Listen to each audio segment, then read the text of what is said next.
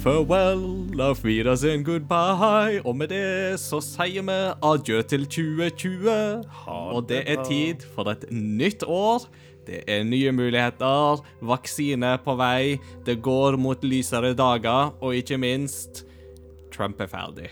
Og Velkommen til Crossover Gaming episode 57, den første episoden i 2021.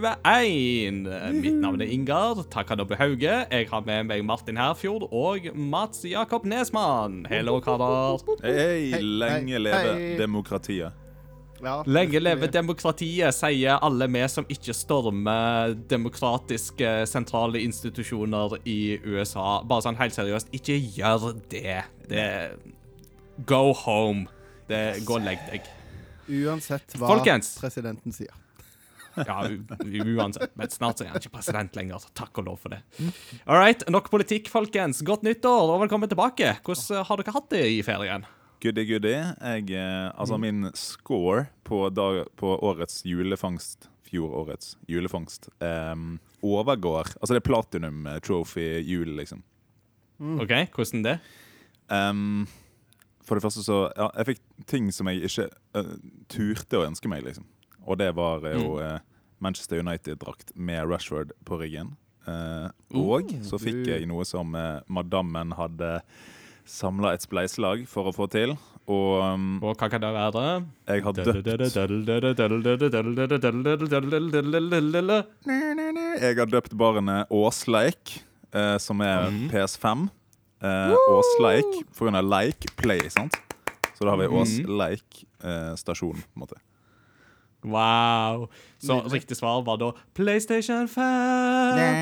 Hey, Så nå- look at that controller. Så nå har jo de kuleste i Crossover Gaming fått se PS5. Ja. Jeg gleder meg til 2030 når jeg får med PlayStation 5. Bare å se fram til det.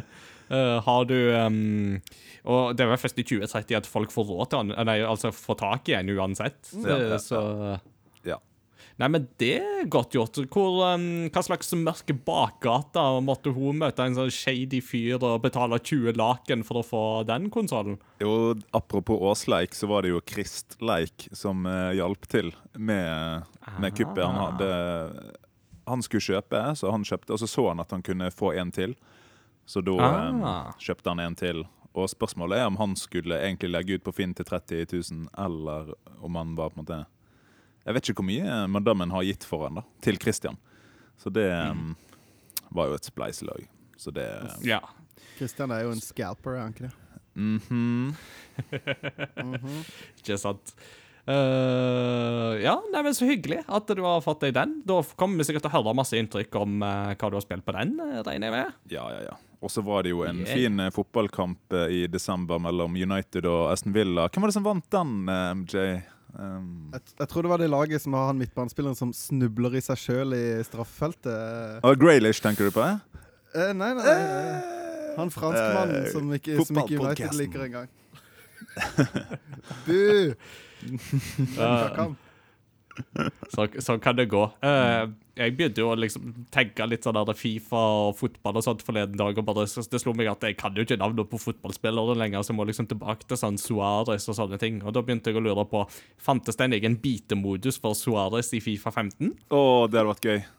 Det hadde vært gøy med litt sånne vario-funksjoner i fotballspill. på en måte. Bit og fising og Ja, eller bare sånn Fifa 98, World Cup 98, spille som uh, Zindin Zidane og bare mm, skalle ned folk og det Nei, det var i 06 han skalla ned. 06, ja? Ja, ja. Ja. Jeg tenkte det var See, I know things! I Ja, know things. Det er det jeg Jeg husker har sånn- best med 64-kontrollerne og Fifa, er de der gule pilene oppe til høyre som eh, Ja. du kunne kveste Altså Da snakker vi sparke ned folk. Ja, ja, ja. ja, ja. Og filme kunne du òg. Å, det var så gøy før. ja. Helt rått. Eh, Good times. Kan man det lenger i Fifa, må du tro? nei. Nei, det var det jeg tenkte. Eh, du da, Mats Jakob. Hvordan har eh, ferien vært i din ende? Altså, ferien min i fjor var jo Altså, jula i fjor var Det var helt bajas hjemme hos oss. Da var det ville tilstander og slag og spark og alt mulig. Ikke fra oss, men på oss. Fra et barn. Vi skal ha det uttrykt. Ikke ring barnevernet.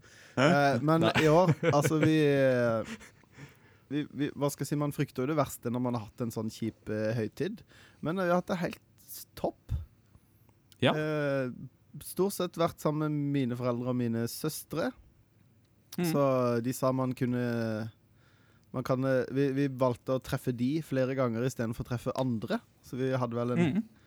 eh, tre eller fire dager på rad vi var sammen med de. Det var veldig koselig. Ja. Mm. Eh, kjørte til og med første juledagsselskap ute på en leirplass. Så det var veldig Ja. koronavennlig.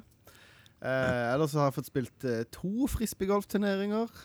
Spiller jo Oi, oi. Det, Ja, det var storslått.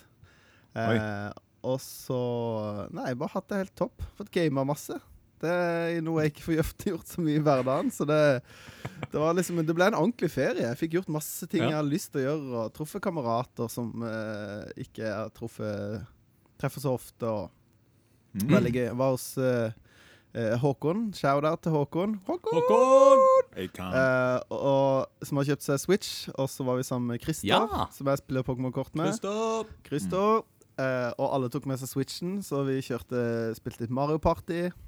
Mm. Det er Nice. veldig Det er ganske ålreit. Eh, så det, det har hatt en en flott ferie. Det har vært veldig deilig. Godt å høre. Godt å høre. Uh, Sjøl så ble det Oslo-jul på oss uh, for første gang, bare meg og kona. Og det var en interessant opplevelse. Eh, Men det funka veldig bra. Det ble jul. Vi hadde fem kilo ribbe. Det holdt uh, faktisk til oss begge to, tro det eller ei. Vi klarte oss med det, og vel så det. Den var så god, så natt til første juledag så lå jeg og bare «Øh, Jeg må ikke røre meg nå, for nå går det galt. Eh, så ble det bedre. Og så hadde vi besøk av eh, Peter. uh, første Nei, nyttårsaften og første nyttårsdag. Og da ble det Back to the Future part 2, fordi vi så part 1 sammen med han på nyttårsaften for to år siden. Ja. Så da måtte vi jo gjenta, gjenoppta den tradisjonen i smooth 4K, om jeg kan legge til. Deilig. Um, og hva bedre måte å avslutte 2020 på enn å spille en runde med brettspillet Pandemic. Mm, det er bra. Deilig. Så yes. Uh, og fin, rolig, avslappende jul. Uh, det hadde vært kjekt å treffe litt familie og sånn, men nå måtte vi reise. og det er ikke så lurt å reise i høysesong under en pandemi. Det er liksom sånn en sykdom sprer seg. Så Nei, Ja. så vi bestemte oss bare for at vi tar en uh, Oslo-jul, og da slapp vi liksom alt det der stresset med å reise og måtte pakke og liksom være på hugget hele tida og sånt. Og vi kjente at det, vet du hva, det var egentlig veldig deilig. Det var det vi trengte i år. Så kan det anbefales. Mm. All right. Eh, 2021 er et år som gir oss eh, noen nye muligheter, eh, og det innebærer annet at eh, vi skal prøve på å stokke litt om. Vi har, skal, vi har nemlig samla Eldsterådet, og vi har um, hatt en vurdering av liturgien, Mm. og måtte da komme fram til at uh, vi hadde fire-fem revisjonsforslag oppe til vurdering. Så det vil si at eh, episodene nå framover kommer til å fortone seg litt annerledes enn det de har gjort før.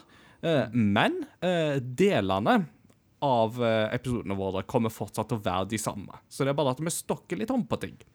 Så hva kommer nå, mon tru?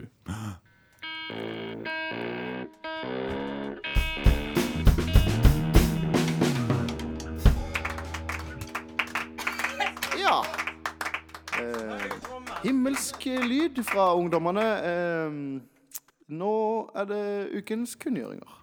Yes, eh, vi går bare i gang med kunngjøringer og ser rett og slett på nyhetsbildet eh, og tenker at det er et godt sted å begynne. Nå er jo desember og januar en litt sånn rolig tid for, eh, for spillbransjen, men det skjer likevel et par ting. Um, først uh, må jeg nevne en nyhet fra mandag denne veka som jeg syns var veldig hyggelig. Persona-musikken ligger nå på Spotify. You'll never see you coming. Yeah. Nei, I didn't see it coming. Det har du helt rett i. Og det er musikk fra Persona 2, 3, 4, 5, uh, Persona 4, uh, dansespillet, pluss noen livekonserter, og Persona Q-spillene ligger ute til og med, så det er masse, masse bra musikk der. Check it out. Mm. Kult. Um, Og så har vi da um, et oppkjøp som har skjedd fra Nintendos side. Nintendo kjøper nemlig det kanadiske studioet Next Level Games. Eh, studioet som er kjent for å lage spill som Luigi's Mansion 3, Metroid Prime, Federation Force og Mario Strikers Football, for å nevne noe. Eh, så det er kjempegode utviklere, og jeg krysser litt fingrene nå for et nytt Mario Strikers. Mario fotball hadde vært veldig gøy. Ja, altså, har du testa det på GameCube, eh, Martin? Nei, det det må de lagde? gjøre. Jeg har bare spilt uh, minigame-spillene i Mario Party, som er volleyball og ishockey. Åh, det Mm. ishockeyspillet. Jeg elsker det. Jeg Det er så gøy. Mm. nice. Jeg har ikke testa det, eh, faktisk, men um, Det er eh, Var det det nyeste Mario Party, eller? Nei, fire og fem. eller seks? Fem, ja. Ja. Skjønner. Skjønner. Mm. Eh, Så det, vi får jo se hva Nintendo kan finne på med Next Level Games der. Um, og Nintendo er ikke de eneste som eh, prøver seg på spillfronten, for en ny aktør skal nemlig prøve seg. That's right. The KF console is coming. Nemlig KFC, altså Kentucky Fried Chicken, skal komme med en konsoll med innebygd kyllinggrill. Oi, oi, oi. Jeg var Så hva? varmen ifra komponentene skal da holde kyllingen varm på en sånn grill som bare du drar ut en skuff, Nei. og så kan du ha kyllingen der. Og ikke- ja. det verste av alt er at dette er helt seriøst. Eh, den kan, kommer da til å komme med en Seagate Barracuda 1 terabyte SSD, en uspesifisert Asus GPU, og de lover at konsollen skal ha både 4K og 240 hertz output med VR-støtte. Altså, her blir jeg konspiratorisk. Jeg la jo den her eh, nyheten Jeg var sikker på det var sånn aprilsnarr-stemning, liksom. Bare la den ut på Crossword Gaming, bare eh, lol, liksom. eh, så jeg er såpass konspiratorisk. Jeg tror det her er kødd. Jeg, tror, jeg, jeg klarer ikke tro på det før jeg har en fysisk versjon i hånden min, liksom. Så jeg nekter å tro på det. Det finnes nettsider for dette. Alle de store gamingpublikasjonene går god for at dette er ekte stuff, og oi, det kommer. Faktisk. Og hvis eh, det kommer, så har jeg lyst til å kjøpe bare for å ha i samlinger, for dette må jo bli et samleobjekt. Jeg håper Altså, de har sånn eh, At de har sånne konsolleksklusive, som er liksom bare kyllingversjon av alle spill, liksom. Du har eh, Chicken Boy istedenfor Mario, liksom. Og, mm. Jeg tenkte på Billy Hatcher and The Giant Egg må jo komme i en remaster.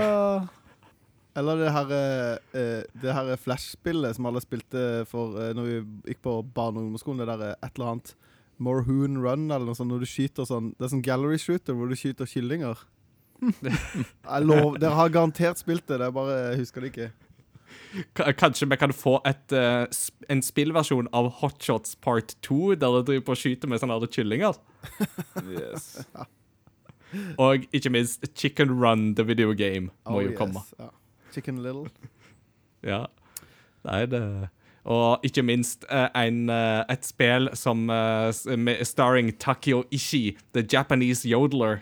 Uh, mannen som uh, jodler om hvor, hvor fantastiske kyllinger det er. Gå, chicken, gå, ho, ho, ho, ho, ho. Oi, oi, oi. Det vil jeg spille. Ja. Verd å sjekke ut på YouTube, i hvert fall. Jo, Så Kanskje Untitled Goose Game kan liksom på en mørk måte komme seg inn der. Uh, men tenk deg hvor fettete dette her blir, og hvor, uh, altså, hvordan de skal klare å holde det holdt på å si, brannsikkert. Det er jo kanskje det største spørsmålet jeg har rundt denne konsollen. Så må være kødd! fantastisk. Jeg klarer ikke å tro på det før jeg ser det, men jeg gleder meg. nei. Mm. Vi får se. Vi får se. Så det var egentlig det jeg hadde av kunngjøringer for uh, denne gang. Mm. Jeg vet ikke om dere har noe som dere ville slenge inn før vi går videre. Det er kommet en uh, AR-ekte versjon av Far Cry i uh, Washington DC. eh, kom i går, da, som DLC-pakke der du kunne fysisk uh, være sånn crazy i eh, Washington DC eh, Congress. Stemmer. eh, og der du må eh, vikle opp i en eh, konspirasjonsteori som er så søkt at den kan umulig være sann, og derfor så passer det veldig perfekt inn i dataspillenes verden. Hører dere, folkens? Dette er ting som foregår i spill og i film, ikke i virkeligheten. Oh, sorry. Nei. Uh, og folk påstår at jeg ikke klarer å skille mellom uh, fantasi og virkelighet. Nei. Det Folkens, de, de må spille mer uh, gi, Altså Beste løsninger for å få folk til å holde seg hjemme og holde seg rolige i en pandemi, gi dem en PlayStation 5 yeah. eller en Xbox Series X med GamePass Eller en PlayStation KFC. Så hm? Eller en KFC. Ja, eller en KFC. Så ja. Eh, Men da hadde jo folk holdt seg hjemme. Det hadde vært best, da. Så Sony, Microsoft og FN, make it happen. Right. Det er på tide å snakke om tema. Og det betyr at eh, vi skal nå begynne å snakke om tema i del 1, sånn at eh, de av våre lyttere som kanskje ikke er så vante med spill, og der vi kanskje ikke alltid er kan, kan synes at det kan være litt vanskelig å følge med når vi snakker om hva vi har spilt og sånt. De skal få lov å på en måte få temadelen i del 1, og så skal eh, våre trofaste fans og uh, hardbarka lyttere de skal få enda mer goder i del 2. Så det, det, det er sånn som sånn, Det er sånn Patrion Hva er det er altså det er for sånn Patrion-backere, bare at alle får tilgang på det. Nesten. Det- Helt nydelig. Mm. Kom, kom og kjøp dere som ikke har penger. Uh, det gir seg en eller annen plass, jeg tror det står. Power to Yes. the people! Yes. Så 2021 står for trappene, og da har vi nylig hatt en episode der vi har sett tilbake på 2020, og nå er det da på tide å se framover mot 2021. Så da er jo mitt første spørsmål til dere Hva ser vi fram til i år av spill? Martin. Jeg har jo fått meg kjære lille Åsleik, som jeg skal leke med og kose med i løpet av året. Eh, Og du skal alltid snakke nynorsk når du taler om han. litt en Haugesund-nynorsk. så vi skal dulle og kose litt. Men jeg kommer jo til å ha PS5 og PC-år, da. Mm. Eh, så det, jeg, gleder, jeg gleder meg veldig til Gran Turismo. For jeg, jeg elsker å spille det på PS2. Mm. Og jeg syns fortsatt at det ikke har kommet et bedre enn Gran Turismo 3. Men nå har de sagt vi skal up the game for eh, de på en måte casual gamerne. Mm. Og Ratchet and Clank. Altså, Ja. jeg elsker òg det på PlayStation 2 og Ratchet and Clank 3. Um, Og eh, Rift um, Rift in Time. Rift apart. Rift Apart ser jo Altså, det så helt amazing ut på, på E3, liksom. Eh, teknologien og selvshadingen eh, Ja, det bare så mwah, mwah. Og em, jeg kommer til å spille Cyberpunk. Det har jeg fortsatt utsatt pga. konsoll. Mhm. Um, Lurt, lurt. jeg har sett det skal komme masse sånne Neo, Neo remasters og Neo-spill. Og det har jeg aldri, aldri spilt noe Neo, så det skal jeg eh, godte meg med. Mm. Eh, Er det Neo som i uh, The Matrix, altså uh, Keanu Reeves, eh, du skal kose deg med, da? K- You're breathtaking. Du lever med? det, det er jo eh, Hva heter de her eh, spillene til PS4, da? Neo um... Ja, De heter bare Neo og Neo 2. Det, det er fra Team, Team Ninja, hvis jeg ikke tar feil. Ikke sant? Eh, Så de ser jo veldig kule ut. Mhm. Um, så kommer eh, en sånn der eh, definitive edition av Disco Elysium, og jeg bare Jeg elsker Disco Elysium, så det skal jeg ta på nytt. Ja, riktig. Um, vi får jo se om Elden Ring kommer, da. Det, og om det blir Xbox eksklusivt, eller uh, hva som skjer. Hvis det kommer til PC, så kommer jeg til å spille det. Gjerne PS5, Mhm. men vi får se. God of War, altså eh, Fortsatt ikke bekrefta At det kommer i 21, men Mm. jeg krysser jo alle kroppsdeler for det. Um, og så eh, er jeg ganske hype på Mass Effect Remastered, fordi jeg Mhm. elsker 1 og 2 spesielt. Uh, likte treeren. Um, så de kommer jeg til å spille masse der det kommer ut. Mhm. Eh, jeg ser det jo mange på Discord, vi kommer jo til dere senere, som har nevnt eh, Hogwarts og eh, Breath of the Wild 2. Vi får se Mhm. når det kommer, da. Mhm. Men eh, jeg, jeg må prøve Harry Potter RPG. Liksom. Det har jeg liksom Det har vært Pokémon RPG, Ja. og så har det vært eh, Harry Potter RPG som har vært eh, Mhm. på ønskelisten, liksom. Så det Mm.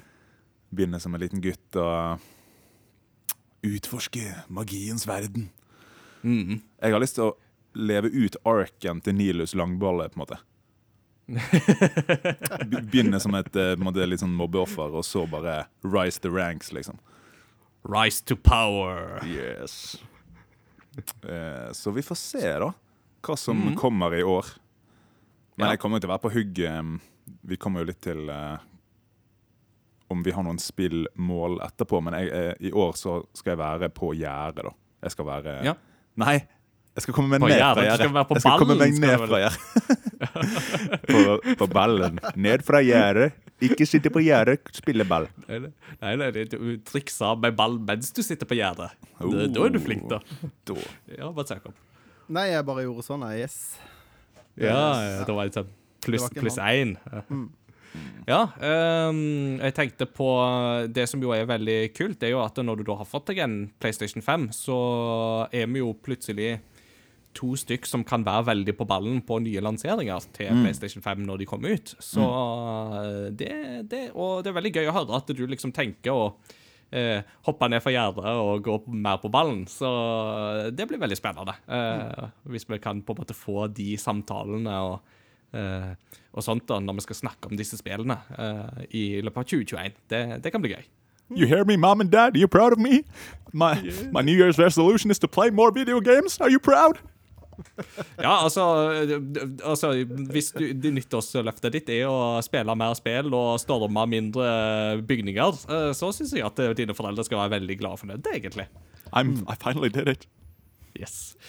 Du da, Mats Jakob? Nei, eh, jeg har liksom ikke satt meg sånn skrekkelig mye Altså, de som har hørt på en stund, de kjenner jo meg. Jeg er ikke, jeg er ikke så veldig framtidsretta i spill. Du er litt sånn bak gjerdet igjen. Ja, litt sånn bak gjerdet. Sitter og leker i sandkassa. Nei, så uh, det er selvfølgelig noen ting jeg ser fram til, og det er jo Altså, hadde Breath of the Wild 2 kommet i år, så kan jeg jo ikke se for meg noe annet enn at det blir dritbra. Altså, de lager mm. jo ikke nå, eh, nå holdt jeg på å si de lager ikke dårlige Zelda-spill, men, eh, men de aller, aller fleste Zelda-spill er veldig gode. Try for zeroes Try ja. Heroes! ja, det var ganske stank. Men eh, Nei, jeg gleder meg veldig til det. Et annet spill jeg ser veldig fram til, er jo Psychonauts 2. Mm. Vet ikke om noen av dere har spilt Psychonauts 1. Det er Yes! veldig veldig gøy spill av Team Shafer, er det ikke? Som har laget Ja, det, jo. det er fra 2005. Eh, jeg Ja. elsker hvordan folk, altså de kidsa i Psychonauts, eh, når de får hjernene sine plukka ut, så kan du bare se rett gjennom øra på dem. Og, eh, altså, for da er det liksom helt tomt, så de kan på en måte se rett gjennom. Og det eneste de ungene da sier, det er TV. Ja, det er en deilig sånn stereotyp på hjerneløse barn som bare vil se på TV. Det er helt uh... He helt fantastisk. Men uh, det er et veldig, veldig kult spill, og jeg er veldig spent på oppfølgeren, for det de tingene jeg har spilt av Tim Shafer som kommer i ettertid, det er ikke fryktelig mye, men, eh, men eh, han, det, det kommer jo ikke fryktelig mye i spill heller. Altså det, det er litt sånn eh, nøye utplukka, planlagte ting. Mhm. Um, sånn at uh, det pleier som regel å være veldig gøy. Mm. Så det ser jeg fram Og så skal du ha musikk av Jack Black. Åh, er det sant? Ja, Enda du må se den uh, traileren der han står og synger til, til uh, Psychonauts 2. Det, det er så Åh, gøy, med det, det der deilig. fantastiske skjegget som han har fått seg. Åh, det er veldig Det er strøkent skjegg. Ja. Nei, uh, og så er veldig spent på eh, Ghost and Goblins Resurrection, som er liksom videreføring Ja. av Ghost and Goblins-serien. Det er jo litt sånn uh, Ja, hva skal jeg si? For de som ikke har hørt om Ghost and Goblins, så er det liksom uh, Kan kalle det Dark Soulsborne eh, fra 80-tallet. Mhm. Det er, det, det er et eh, brutalt vanskelig spill. Og når du uh, runder spillet og kommer til Jeg husker ikke om det er Dracula eller om det er djevelen du kommer til til slutt, eh, så sier han ha-ha, du, ja, du må gjøre alt en gang til. Uten continuous. Du må måtte runde spillet på nytt. Da får du true ending. Så du må liksom oh. gjennom et kjempevanskelig spill uten continuous to ganger. så det er sånn Men eh, det, det er Ja, hva skal jeg si? Det er sykt bra gamedesign. Det er liksom det som gjør det spillet gøy. Det er Mm. veldig bra gamedesign, og det er learning by doing. Du må dø mange ganger. Du må lære deg spillet, og det er ganske fett. Mm. Du, du kalte det jo for um, liksom originale Soulsborne, men uh, på en måte så tenkte jeg at det er mer det originale Hades. Uh, at det må liksom Ja. komme deg ut av uh, underverdenen, og når du har gjort det, så må du gjøre det en gang til. og så må du, ja. Ja, sånn, ja. ja jeg ser den. Ja. Det er nok en blanding, blanding av Hades og Soulsborne. Iallfall hvis du skal ha true ending, da. Ja. og så er jeg litt gira på eh, Altså, hva skal jeg si? Jo, jeg er gira på det, men det er jo ikke nytt. Men uh, Super Mario 3D World, uh, den eh, Ja. remasteren, eller Deluxe Edition Mm. uh, For det er det en av de perlene fra Wii U som enda ikke er kommet ut. Som jeg tror mange Mm. ikke har spilt. Som er sånn Det er jo et 3D Det er jo ikke 3D Mario, men det er ikke 2D heller. Det er en sånn god blanding. Eh, og det er et spill jeg kom helt til Altså jeg kom helt til siste, siste boss, og så skulle jeg gå inn og spille, og så kom det opp sånn pling! Your save file has been corrupted. Så det var sånn Nei! Og jeg hadde brukt så lang tid, for jeg hadde sørga for å få alle stjernene i alle banene. Oh. Så jeg, jeg var på vei til liksom 100% completion, og så bare plupp. Oh. Så det var vondt. Så jeg, jeg har ikke orka å plukke det opp igjen, men eh, det her blir en god grunn til å plukke det opp igjen. Det skjønner jeg veldig godt. Det Det gøy. Jeg spillet har for- det i sin helhet. Spilte jeg det i Coop med Kristleik, blant annet. Ah, og eh, fett. Torbjørn. Mm. Ja, for det er veldig bra coop-spill. Mm. Mm. Det, det, det er kjempebra på den coop-greia. Og det er sånn, Jeg og kona mi spilte det masse i lag da vi var i, i lag, eh, eller forlova på det tidspunktet. Um, og, og, og det er jo sånn, hvis jeg fortsatt går og nynner på Så begynner hun å svare Det er altså Soundtracket i det spillet er jo amazing, og co-open òg er kjempebra. Det eneste var jo at det, som coop-spill så drukna det litt i Rayman Legends, for det kom jo samme året. Eh, Ja. Og begge de to er jo amazing på å spille. Altså, de er jo bedre når du spiller de sammen, enn Ja. når du spiller de alene. Enig. Så ja. Og Mm. det er hakket Eh. bedre enn eh, det um, Mario-spillet som òg kom til Wii U, som var 2D, da, der du kunne spille sammen. Men da er det så sykt irriterende hvis noen i Coop-en bare grabber deg og kaster deg utenfor banen, og så mister alle liv, og så ah. Ah. uh, ja. Um, jeg tenkte jo òg på det at uh, for deg som har Switch, så kan det jo òg være verdt å bite seg merke i at både Metroid og Zelda-serien fyller jo 35 år i år. Ja. Det, det er jo veldig spennende, og det er jo et punkt senere her at vi skal snakke litt om hva vi tror Nintendo kommer til å gjøre i år. Mm. Der eh, har jeg masse ønsketanker. Eh, Men eh, for å ta eh, siste spill jeg ser fram til, som er et spill som kommer allerede 14. januar. Ja. Og det er et spill som eh, var sykt hypa en periode. Som var et Xbox Live Arcade-spill på 360. Eh, Ah! Scott Pilgrim versus The World. Mm. The Eh, video game. Som er en kostelig beat em up. Dødsbra beat em up. Veldig tro til tegneserien. Um, Mm. Sånn at det, og, og den ble så syk den var, Det var liksom På den tida når det kom, så var det liksom alle YouTube-videoer og podkaster jeg hørte på det, alle snakka om det. Mm. Uh, og så ble det jo bare tatt av. Eh, Xbox Live Arcade, og det vet, jeg er ikke helt sikker på om det var pga. Rettigheter, eller om det var utvikleren, eller hva det var for noe, men, eh, men det bare forsvant. Og så har det vært en sånn greie på en måte at folk ville spille det, men det har ikke vært noen måte å spille det på. Så nei, det, det er ganske, ganske mange år siden det ble trukket. Mm. Det har jo hatt litt den der samme skjebnen som PT på PlayStation Ja. 4. Med at det, er ikke bare det at det har vært tatt ned fra butikkene, men det har jo vært sånn at hvis du ikke har det installert på konsollen, så får du ikke lasta det ned på nytt, selv om du har kjøpt det og, og eide det. Og har eid det. Ja. PT Så- phone home. Mm.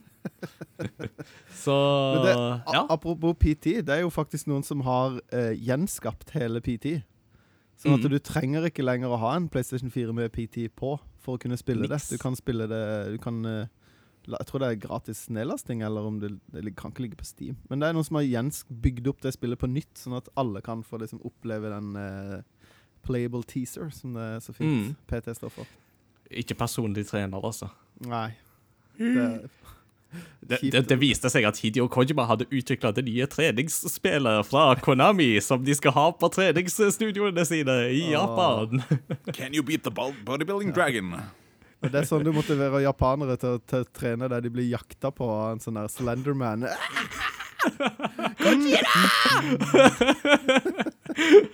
Skjermen er bak de og ikke foran de når de løper på tredemølla. Eh, Gojira! Men det hadde jo vært fantastisk hvis det viser seg å stemme at uh, PT faktisk var et program de integrerte med sine treningssentre i Japan. Og hvis du sprang nok kilometer i løpet av en treningsøkt, så kunne du gå på en av deres pachinko-maskiner og veksle det inn i points. spiller... Der har du sirkeløkonomi! Oh. Mm. Det er jo helt sykt. Ja. Nei, så det var litt sånn eh, Ting jeg gleder meg til som ikke er liksom Kanskje det alle gleder seg til?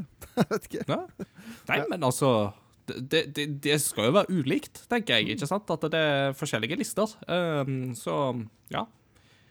Speaking of lists, så har jo jeg i god Ingard ånd laga en topp ti-liste for hva jeg mm. ser mest fram til.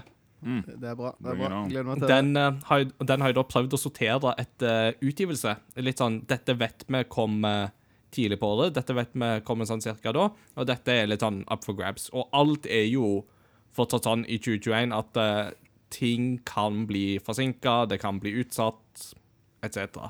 Så med alle de forbehold, her er min topp ti-liste for uh, 2021. Uh, første spillet som jeg gleder meg til, det er Cybershadow, som kommer nå allerede 26. januar.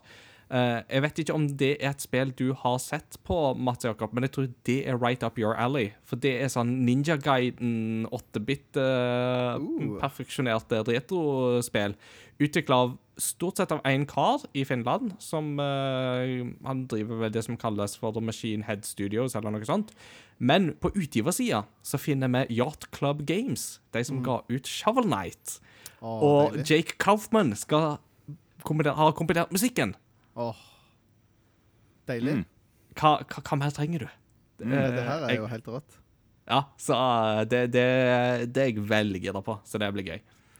Andre spillet, Bravely Default 2, som Ja. kommer i februar på Switch.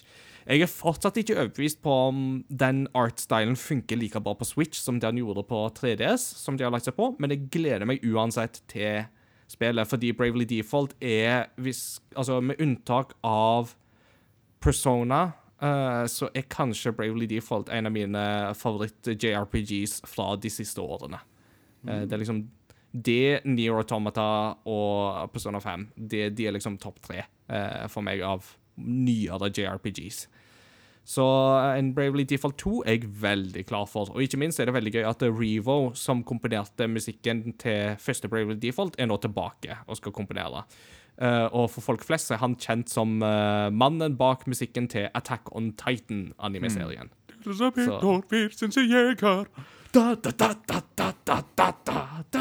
Åh, det er jo Ja. Den er forresten kjempegøy å spille på Taikon og Tatsujin, uh, dette her uh, trommespillet. Anbefales. Sånn.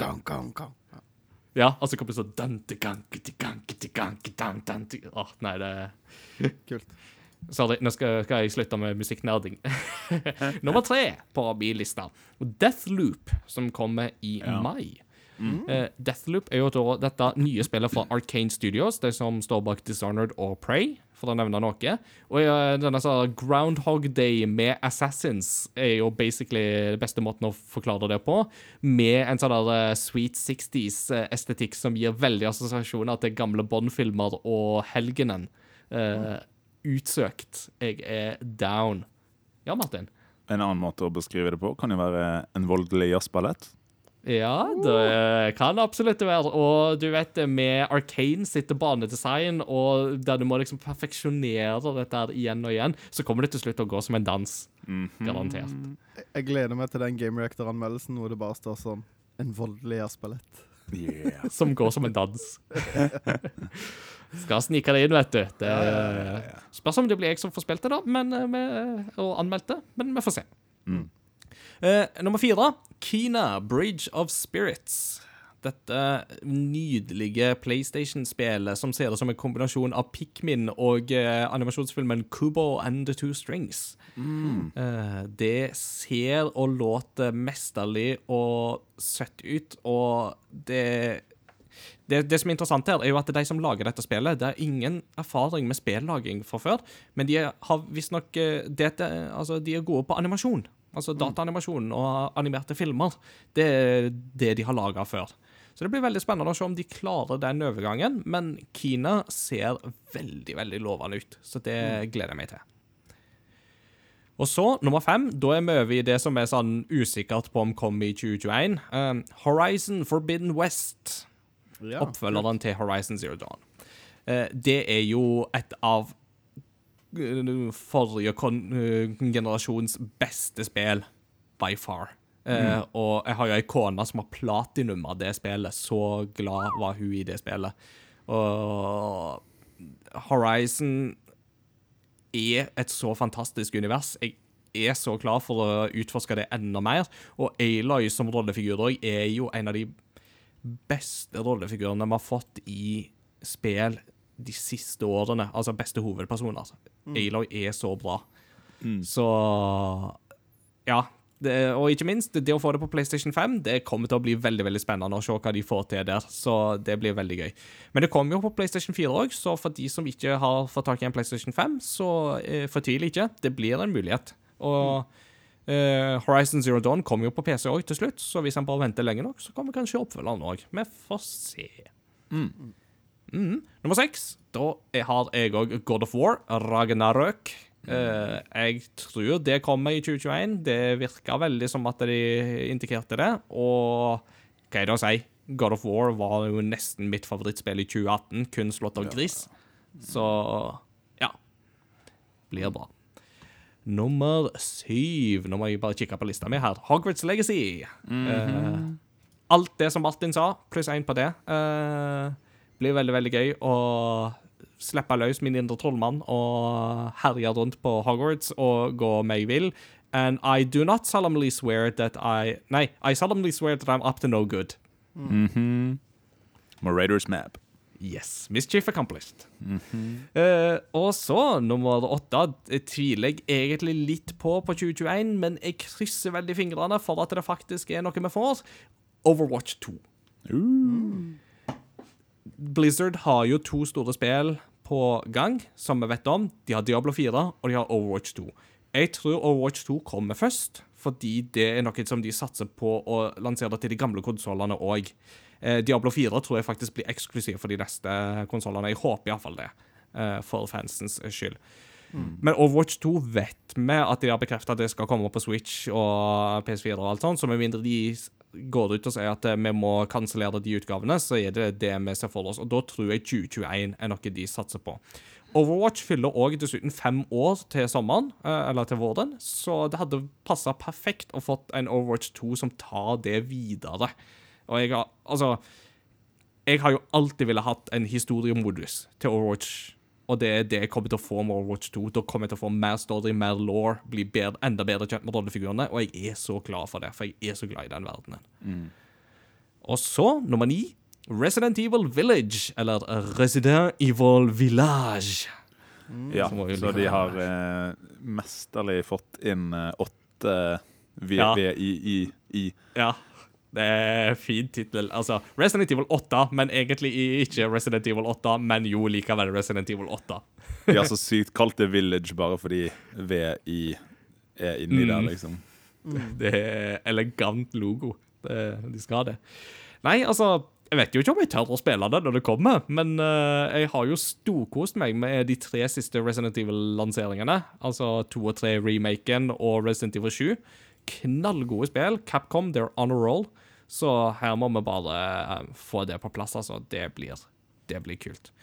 Og siste spillet på den topp ti-lista, som jeg eh, hadde liksom litt lyst til å plassere der for å skape litt variasjon, Tales of Arise. Det nyeste Tales-spillet. Eh, Tales-rollespillserien har jo blitt veldig glad i, og Tales of Berseria det var overraskende bra. Hadde noen overraskende kule twister. Du spiller jo basically som bad guys som vil ødelegge verden eh, i det spillet.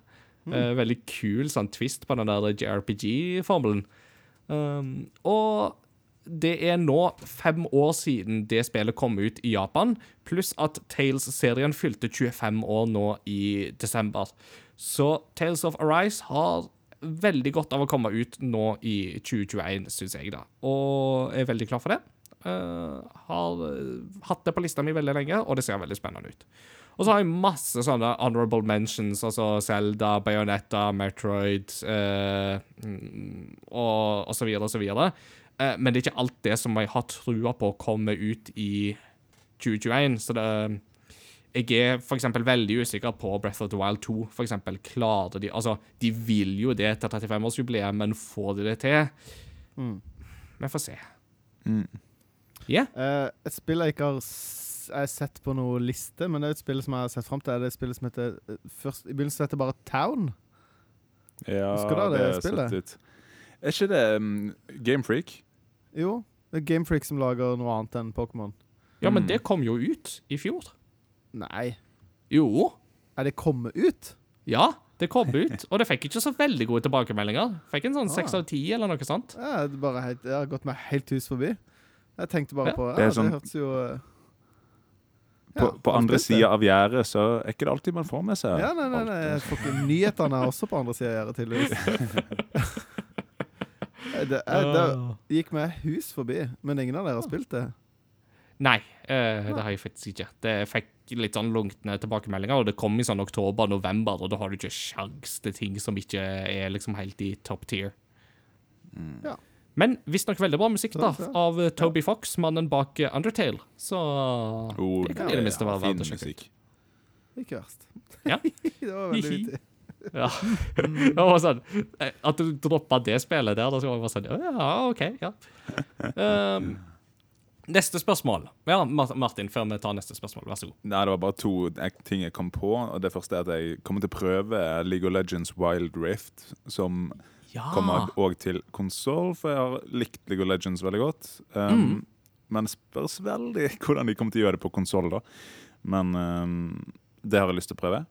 Mm. Uh, selv om jeg er ikke noe fan av Tencent, for å si det sånn. Men, um, Nei, det. Og så kommer jo eh, Fancy Star Online til eh, konsoller, altså PSO2, New Genesis.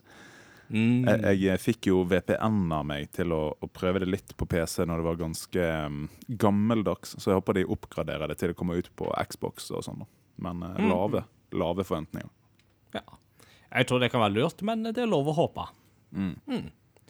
Hvis dere skal på en måte se på 2021-spillåret og tenke nyttårsforsett, eller ikke nyttårsforsett, men hvis du skal på en måte ha et mål for 2021 og spillåret, hva er det målet, Mats Jakob? Nei, jeg tenkte på det. Eh, jeg har eh, Mitt mål er å lage en liste. Konkre sånn konkretisere litt. Det har jeg aldri gjort før. Fysisk penn på papir. Liste med liksom spill jeg har lyst til å spille.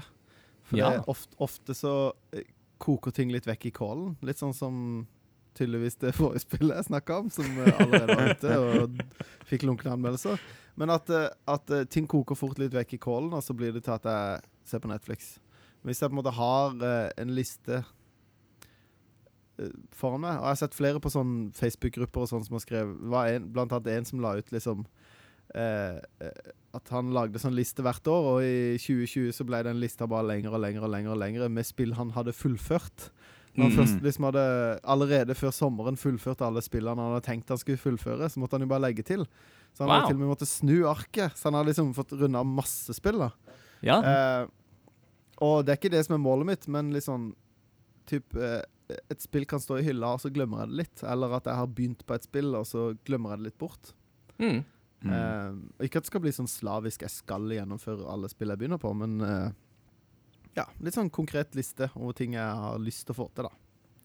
Mm. Spennende, spennende. Mitt uh, prosjekt det er jeg allerede i gang med. Jeg har um, to prosjekt. Jeg uh, skal spille meg opp i Assassin's Creed-serien, sånn at jeg kan spille Valhalla. Så jeg er i gang med Assassin's Creed Unity. Det var der jeg uh, slapp, eh, og skal spille meg opp derifra. Eh, og det andre prosjektet det er Project Yakuza, som da er å spille Yakuza-spillene til og med Yakuza Like a Dragon, som kom i fjor. Eh, og det er også jeg i gang med. Så jeg er godt i gang med begge mine prosjekt for 2021. Kult. Og jeg har jo som nevnt uh, Project Getting Down From The Fence. Yes! Eller Project Offense. Offense. Oi, oi. Not the defense. No offense. Knusktørt. Thank you, I'll be here all week. Så eh, nå har vi akkurat hatt en tid med nye konsollanseringer og nye PC-komponenter som er kommet ut. Det er liksom En ny generasjon har starta for de som klarer å komme seg inn på, på det markedet. Men så har vi Nintendo, da, som jo er litt sånn Har klart å på en måte bli litt stuck imellom generasjonene, men likevel klarer å leve veldig bra med å gjøre sin he helt egen greie. Hva, hva kommer Nintendo til å gjøre i 2021 for å konkurrere mot dette? For 2020 har jo vært et år der de har ligget litt på Stått litt på bakbeina, men allikevel solgt bøtter og spann takket være Animal Crossing. Eh, så 2021, your predictions, eh, Martin? Jeg har mer eh, en drøm og visjon enn noe som jeg tror faktisk kommer til å skje. Mm. Og det er jo De har jo denne her famøse Mario Kart eh, AR-spillet sitt. Ja. Eh, og så har de eh, Altså ikke via Nintendo, da, men Pokémon Go fins. Så min drøm og visjon Det er jo avhengig av visse teknologiske utviklinger her, da. Men at du har noen slags eh, altså briller med VR, og så er på en måte hele verden er din Pokémon Go i AR. Eh, Mm. Du tar på deg briller, og så går du ut i liksom Pellet Town i hermetegn.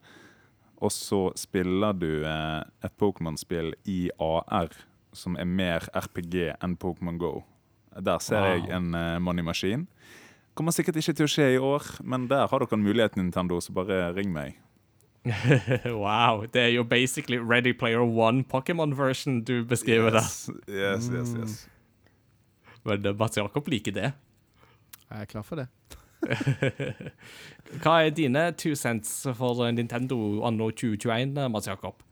Nei eh, På en eller annen Facebook-gruppe, eller på Facebook i alle fall, så var det noen som eh, delte et bilde av en, eh, en, eh, ja, en veldig åpenbart falsk, men en sånn Nintendo-intern-memo. Som var liksom planen for en Nintendo Direct i eh, september 2021.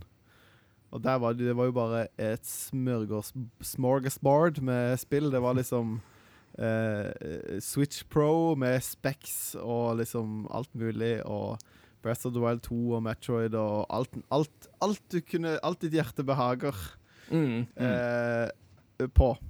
Som var litt sånn Det er jo gøy å lese en sånn liste, selv om det åpenbart er fake. Eh, Men eh, Altså, jeg tror jo Nintendo kommer til å fortsette Jeg tror de kommer til å annonsere veldig mye i år, for jeg tror at Switch eh, 2, eller Switch Pro, eller hva man skal kalle det, kommer i 2022. Jeg tror ikke den kommer i 2021. Det tror jeg ikke de får. Da hadde vi visst litt mer. Eh, men jeg tror de kommer til å annonsere vanvittig mye til Når de annon først annonserer da denne her Det kan godt hende at, de at den kommer til å bli annonsert i høst, selv om jeg tror at den memoen var fake. Men jeg tror de kommer til å annonsere en del ting, og jeg er jo redd for at Breath of the Wild 2 blir holdt igjen til en slags liksom release for den. For at eh, den skal på en måte folk skal ha en grunn til å kjøpe den, og at liksom Ja, du kan spille Det var jo liksom Man kan jo drømme om 4K og alt mulig, men eh, Så jeg tror nok eh, vi kommer til å høre veldig mye av hva de kommer til å annonsere, sen, eller hva som kommer seinere. Men eh, selvfølgelig, jeg håper jo at alt kommer i 2021. Mario Kart 9 og eh, Metroid Prime 4 og altså Det hadde vært helt topp. Martin? Yes. var det jeg skulle si, at um, siste Mario Kart kom ut i 2014, som er altså eh, sju år siden. Den til Switch gjelder på en måte ikke. Mm. Um, Det er jo samme spill. så et nytt Mario Kart, nieren um, Ja, får håpe det kommer i år. Men hvis ikke det kommer, gi meg Diddy Kong Racing 2, please. Åh. Oh, ja, det var fint.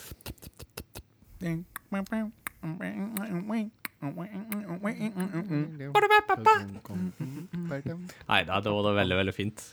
Nei, men altså, med begge, eller med særlig du, Mats Jakob, du har trua på Switch Pro, altså, at det kommer. Du, du, du tror det. Uh, for jeg er Jeg jo tror- litt usikker der, der, faktisk. Ja, du tror det kommer bare en ny konsoll, og ikke en Switch 2? Ja, altså Jeg er liksom litt der med at jeg sitter liksom litt sånn på gjerdet og lurer på om det er hardware Nintendo kommer til å prioritere å lage, faktisk. Om de kommer til å liksom henge seg på det der pro-kjøret som vi har sett med PlayStation 4 og Xbox de siste årene. Uh, og jeg vet liksom ikke helt om de kommer til å, til å gå for den, men på den andre sida, vi vet ikke, altså. Uh, så jeg er litt usikker på, på, på den biten, da. Men eh, jeg er liksom litt mer sånn Folk snakker om det fordi de har lyst på det, men jeg tror det når jeg ser det. Eh, jeg ser det ikke som umulig, men uh, enn så lenge så tror jeg ikke at det, det fins. Altså, du, du snakker jo om uh, selskapet som ga ut Gameboy, Gameboy Pocket, Gameboy Color, Gameboy Advance, DS, DSI, DS Lite, 3DS, eh, 3DS XL, eh, New 3DS, New 3DS XL, 2DS. Eh, altså, om de lager Switch, ikke lager Switch Pro, så kan jeg, ja, skal jeg si, skal jeg spise hatten min? Ja, Altså, Det kommer jo en eller annen Altså, de er jo verdensmestere i å melke et populært hardware. mm, De prøvde jo med Wii U. De prøvde jo bare å lage en beefa Wii, og så funka det ikke. Men eh, eh, Nei. Jeg, jeg tror det Om det blir en Switch Pro, eller om det blir en Switch 2 mm, med en slags bakoverkompatibilitet, eh, så tenker jeg at det er ikke så stor forskjell, egentlig. Men det blir en Det blir en oppgradering av Ja. Switchen. For iallfall nå som PS5 og Xbox Series X har kommet, så, så blir det Da blir det litt som en Wii mot en PS4, og det er liksom ikke De må på en måte uppe det litt, selv om ikke de trenger å matche konkurrentene. da. Mm. Ja, Mm. vi får, eh, vi får se på den. Um, en ting som vi jo derimot håper på, og som kanskje hadde vært litt mer sannsynlig, er jo at de til 35-årsjubileet til Zelda slipper noe en sånn uh, At de slipper noen uh, spill til Switch der. Altså ikke nødvendigvis Breath of the Wild 2, men hvis vi f.eks. kunne Ja. fått HD-portene av Wind Waker og Twilight Princess fra Wii U over på, på Switch, så hadde det vært Mm. veldig gøy. Og jeg må jo poengtere der at eh, for et par år siden så skrev jeg for Game Rector en sånn fem Wii U-spill vi vil se på Switch. Og Mm. der har de nå tatt nesten alle sammen, for de har tatt Tokyo Mirage Sessions, de har tatt uh, Super Mario 3D World, de har tatt uh, Pikmin 3. Pikmin 3 uh, har de tatt. Um, og Eller hadde jeg, hadde jeg Super Mario på den lista, forresten? Litt usikker, men de har iallfall tatt sånn Pikmin 3 og sånne ting. Og hvis de da liksom kunne òg da tatt uh, Zelda remakes i én samlepakke, så hadde det bevist at en Nintendo leser de tingene som jeg skriver. Og da hadde jeg blitt veldig, veldig glad. uh, og det kunne òg da betydd at uh, Xenoblade Chronicles X eh, kommer på Switch etter hvert, uh, for det òg er på lista. Eh, men eh, vi får se om det Om de hører på det. Men eh, Ja. det hadde ikke skada. og så er det jo litt spennende å se om de gjør noe greier ut av Metroid-jubileet. Om vi får vite noe mer om eh, Prime 4, eller om det kan komme en Prime samlepakke, eksempel, med 1, 2 og 3 til Switch. Det hadde jo vært veldig kult. Eh, så vi får se. Skal vi ta en pause, da, karer, og så komme tilbake til del to med diverse snacks fra både lyttere og oss sjøl? Mhm. Vi er straks tilbake.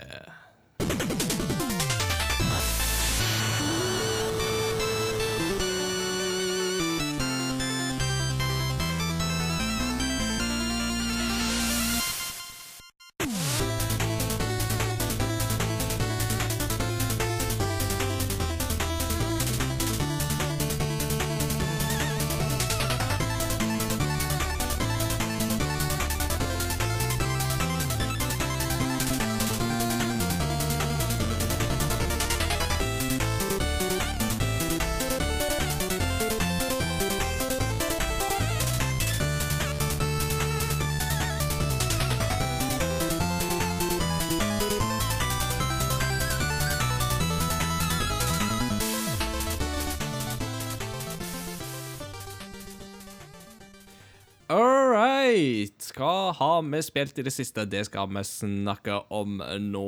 Og da lurer jeg på hvem av dere som har lyst til å begynne. Hvem, dere har jo god. Martin var tidlig oppe. Vær så god, take it away. Yes, jeg har jo fått med lille Åsleik, som jeg har kosa og dilla med. med. Så da um, måtte jeg jo begynne med Astros Playroom. Um, jeg, altså, ja. jeg, jeg skal jo si det at jeg skal komme meg av gjerdet, så akkurat nå må dere bear with me litt, siden jeg, jeg har vært litt late to the party eh, nå. Det, så det, det blir litt sånn.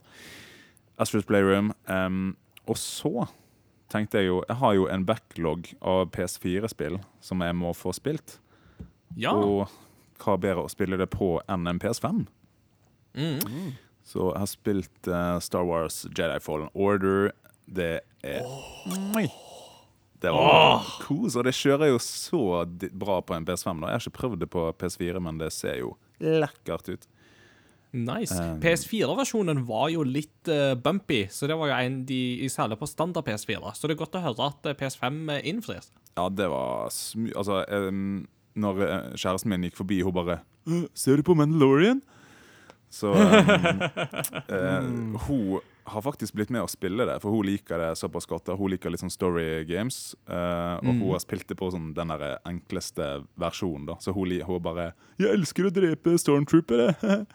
Så bare sånn der eh, Ganske lett å Da er det ganske lett, men eh, Mm.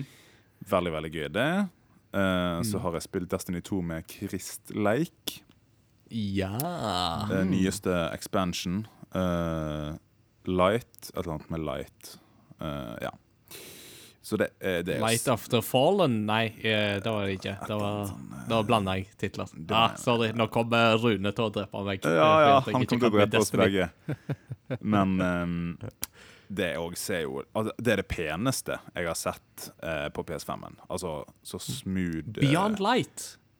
mm, Beyond Light, ja. Eh, Ah, yeah. Jeg slapp å bli drept. Yes. Ja, det bare ser så rålekkert ut. Altså Bungie, Jeg vet ikke hvilken engine de bruker, men det er det fineste jeg har sett av spill noensinne. Så, Wow, såpass? Ja, ja, ja. Det er så, så det er gøy å spille i coop. Det er på en måte Det er ikke veldig gripende story, det er ikke det. Så det er jo der de, det skorter på. Men det er, det er iallfall bedre enn uh, det her er spillet som uh, Hvem var det som prøvde seg på å lage noe Destiny-aktig, da? Med sånne her eh, heroes som du kan fly rundt med. Anthem. Anthem, ja. Ja. Det er bedre enn Anthem, kan jeg si. Um, Men det skal liksom ingenting til. Nei. Det er som å si at han var, han var en bedre president enn Donald Trump. Ja. Det blir liksom å si liksom. Eh, så det er, men det er kos, og det ser bra ut. Og apropos Christian, så hadde jeg med meg en liten treat hjemmefra. For jeg hjalp broren min å flytte. Og da Ja. uh, Han er flink til å samle på ting. Så da fant uh, skattkisten av GameCube-spillsamlingen vår.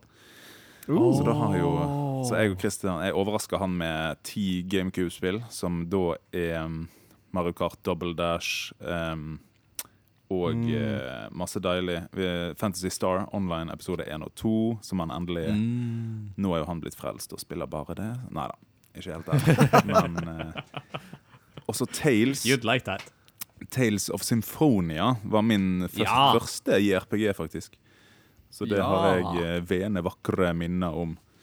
Så um, Ja, hvis noen vil låne klasse GameCube-spill, så bare gi meg en liten shout-out på Discord eller noe sånt. Yeah. Fin plugg til discorden vår der. Veldig bra. Så det er Nei, det, jo- egentlig. Mm, du har jo virkelig fått uh, svinga deg i, uh, i ferien, skjønner jeg. Du har brukt tida effektivt. Mm. Måtte bene. MJ, tell us what you've been playing lately. Yes. Um, jeg har en kompis som, uh, som heter Bård. Shout-out til Bård. Eh, han uh, spurte sa Jeg har kjøpt ny laptop. Vil du ha min gamle laptop? Så sa jeg ja, det vil jeg gjerne. Mm. Så jeg fikk en eh, Windows 7-maskin av han. Eh, passer Oi. perfekt til å spille mine på, langt på baksida av gjerdet-spill.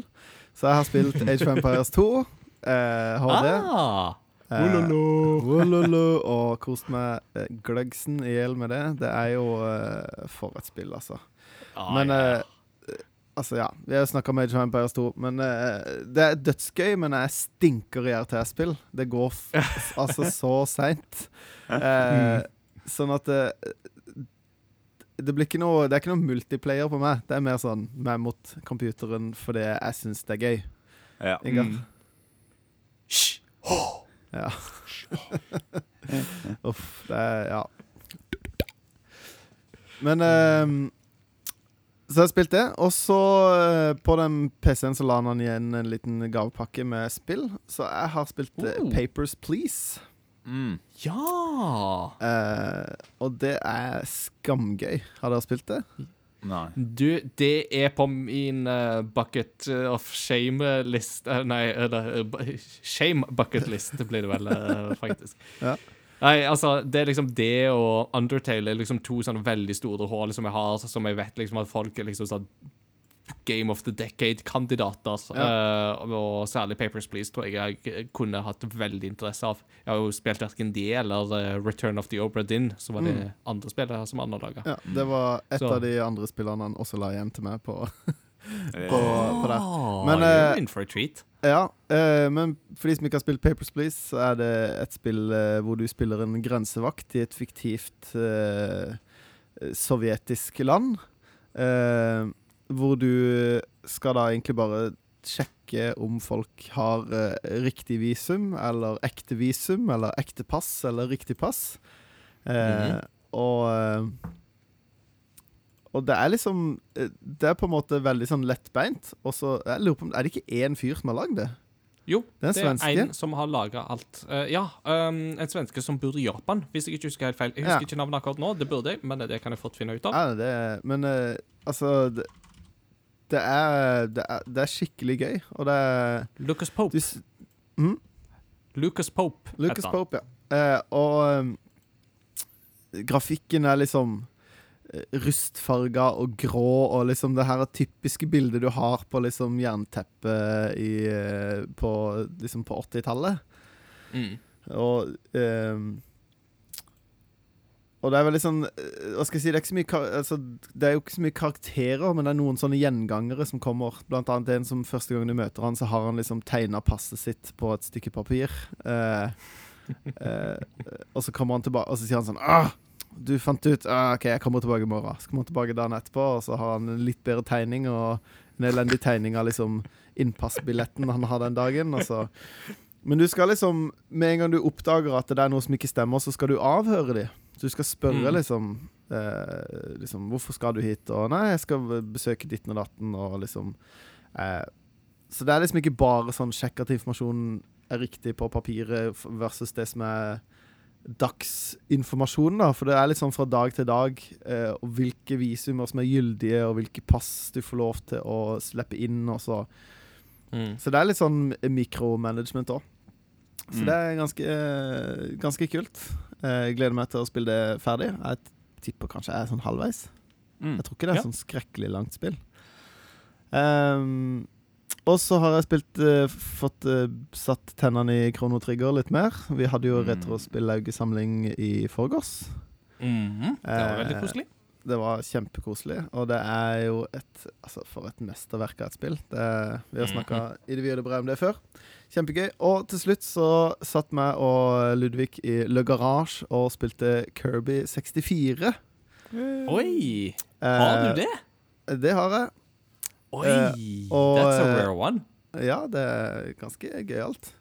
Eh, for han har spilt veldig mye Kirby det, Hva det heter det som kom på Switch, det siste? Star Allies? Mm. Noe Ja. sånt. Ja. Han har spilt demoen til det spillet i hjel. Ah. Så han er skikkelig god i det spillet. Eh, Mm. eh, så han plukka jo opp Kirby 64 ganske raskt. Det han Ja. ikke takla, var Nintendo 64-kontrollen. Og det var litt sånn, gjorde vondt i pappahjertet når han satt og kritiserte kontrollen. Og layouten han bare sånn Men hvorfor er det tre steder å holde, pappa? Yes. Ja. Er det sånn, eller er det sånn? Ja, det er begge deler. Ja, men er det sånn, eller er det sånn? Og begynte å liksom holde på den, de to ytterste, men prøvde å styre joysticken med tommelen. Uh. Og det var liksom Alle de der problemene fra 90-tallet kom opp igjen. Og han var bare sånn ah, The og struggle is still prøv, real. Prøvde å hoppe, men trykka på de gule knappene. Og så det var helt fantastisk. Litt den der eh, versjonen av eh, Fins egentlig Jesus? Liksom bare ah, ah, don't, don't ask me those questions, boy. Ja. Det, jeg, jeg må fortelle det. Kona mi kasta jo eh, julebussen, julebussen, julenissen under bussen. Oh. For, for Ludvig eh, spurte om, eh, om Jesus var ekte. Så sa hun ja, Jesus er ekte. Ikke sånn som julenissen. Og han bare Er ikke julenissen ekte? Og hun bare Oh, Santa Claus is near. Crossover Gaming, the podcast that supports Jesus but not Santa. Eh, så det var, det var veldig gøy. Nei, så det er det, det er det som har gjort størst inntrykk på meg ja, spillmessig i det siste. Mm. Ja. Nei, jeg tenkte jo på at eh, sønnen din er jo perfekt alder for Kirby-spillene, egentlig. Så Mm. det er veldig gøy å på en måte høre at det har slått an. Så ja. Ja, Eh, men det, hvis, altså um, Kirby-spillene er blitt veldig mye Ikke lettere, men sånn det som er med Star Allies, er at du har allies. Altså Mm. du, har, du kan gjøre fiendene om til på en måte eh, eh, NP, Ikke NPC-er, men liksom dine De slåss for deg ved siden av deg. Mm. Sånn at eh, Mm. selv om han ikke er kjapp nok på å ta fiender, så går de bare bort og tar fiendene for deg. Det, Ja. Sånn er det jo ikke det spillet her, så han strevde jo mye mer med den derre Han gikk jo bare inn i fiendene, for han var jo vant til at de bare forsvant. Mm. Ikke sant? Riktig, Eh, riktig. Men det er et veldig kult design av spill, for det er liksom 2D, 2D men det er, det er også 3D, for den skifter liksom kameravinkel. Eh, selv om du Den- går på en sti hele veien. Mm, og Mm. roterer og ja. Så det er, det er et ganske kult uh, Nintendo 64-spill, altså. Nice, nice, nice. Ja, uh, sjøl så har jeg eh, Det har liksom vært jula og nyttårsfeiringer for de store spillprosjektene. Så jeg har spilt ferdig Cyberpunk 2077. Mm. Eh, det har jeg jo allerede fortalt en del om hva jeg syntes i Game of the Year-episoden som vi lagde. Og det meste av det står jeg fortsatt for. Det, eh, jeg hadde det jo ikke på min topp ti-liste, eh, og det står jeg helt inne for. Det hører ikke hjemme på den topp ti-lista, not by a long shot, faktisk. For selv om ting fungerer greit i det spillet, så er det ikke til å komme vekk fra at det er veldig mye i det spillet som er sånn Dette har andre gjort før, og det har de gjort bedre. Eh, det store med Cyberpunk er at de samler mange av de tingene i én pakke, eh, og den samlepakken er imponerende i skala, men i innhold så klarer de ikke å imponere, altså. Og det er særlig skuffende når det er skaperne av The Witcher 3 som står bak dette, og du vet at eh, de kan bedre story, de kan bedre characters, de kan bedre verdener, de kan bedre quests. Eh, Så dessverre. Ja, Martin. Men det viktigste av alt, du har ikke snakka om eh, hvilken type og størrelse på kjønnsorgan du valgte når du lagde karakteren. Ah, ah, riktig, riktig. Snakk om det i en eh, familievennlig uh, I familievennlige termer. Hæ? Ja, ja. Nei, biologi. ehm, ja da. Nei, for Cyberpunk gir det jo ganske fleksible muligheter der. ikke sant? At du kan jo holdt på å si, velge en eh, maskulin kropp med en feminin stemme og uh, ingen kjønnsorgan, hvis du vil det. eh, Lurer jeg nesten på. Eh, nei, men jeg spilte en ganske kjedelig, streit, eh, hvit mann, egentlig. Eh, en maskulin cis-mann blir vel den rette betegnelsen der. Ja. Eh, med et relativt normalt kjønnsorgan, må jeg vel kunne si. Og med tanke på hvordan folk snakker om disse, så har de egentlig veldig få muligheter eh, når du først skal velge. Så Ja.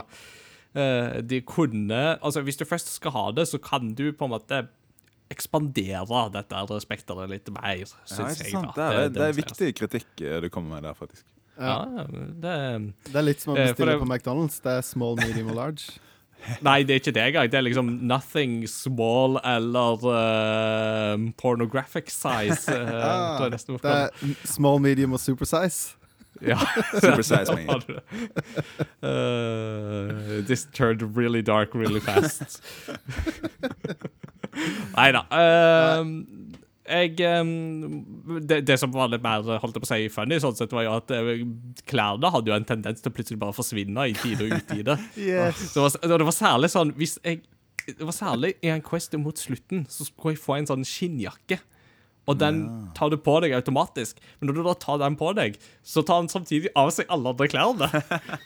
yes. Kjørte Så, det var Donald-bekledninger. Så, så, så så plutselig så bare la jeg merke til at en del av NPC-ene var bare sånn der Hva feiler deg? Sånn, «Øh», Og så bare sånn Å Oh. ja, jeg har ikke klær på. Aha. Men det er jo gøy at Aha. NPC-ene reagerer på det, da.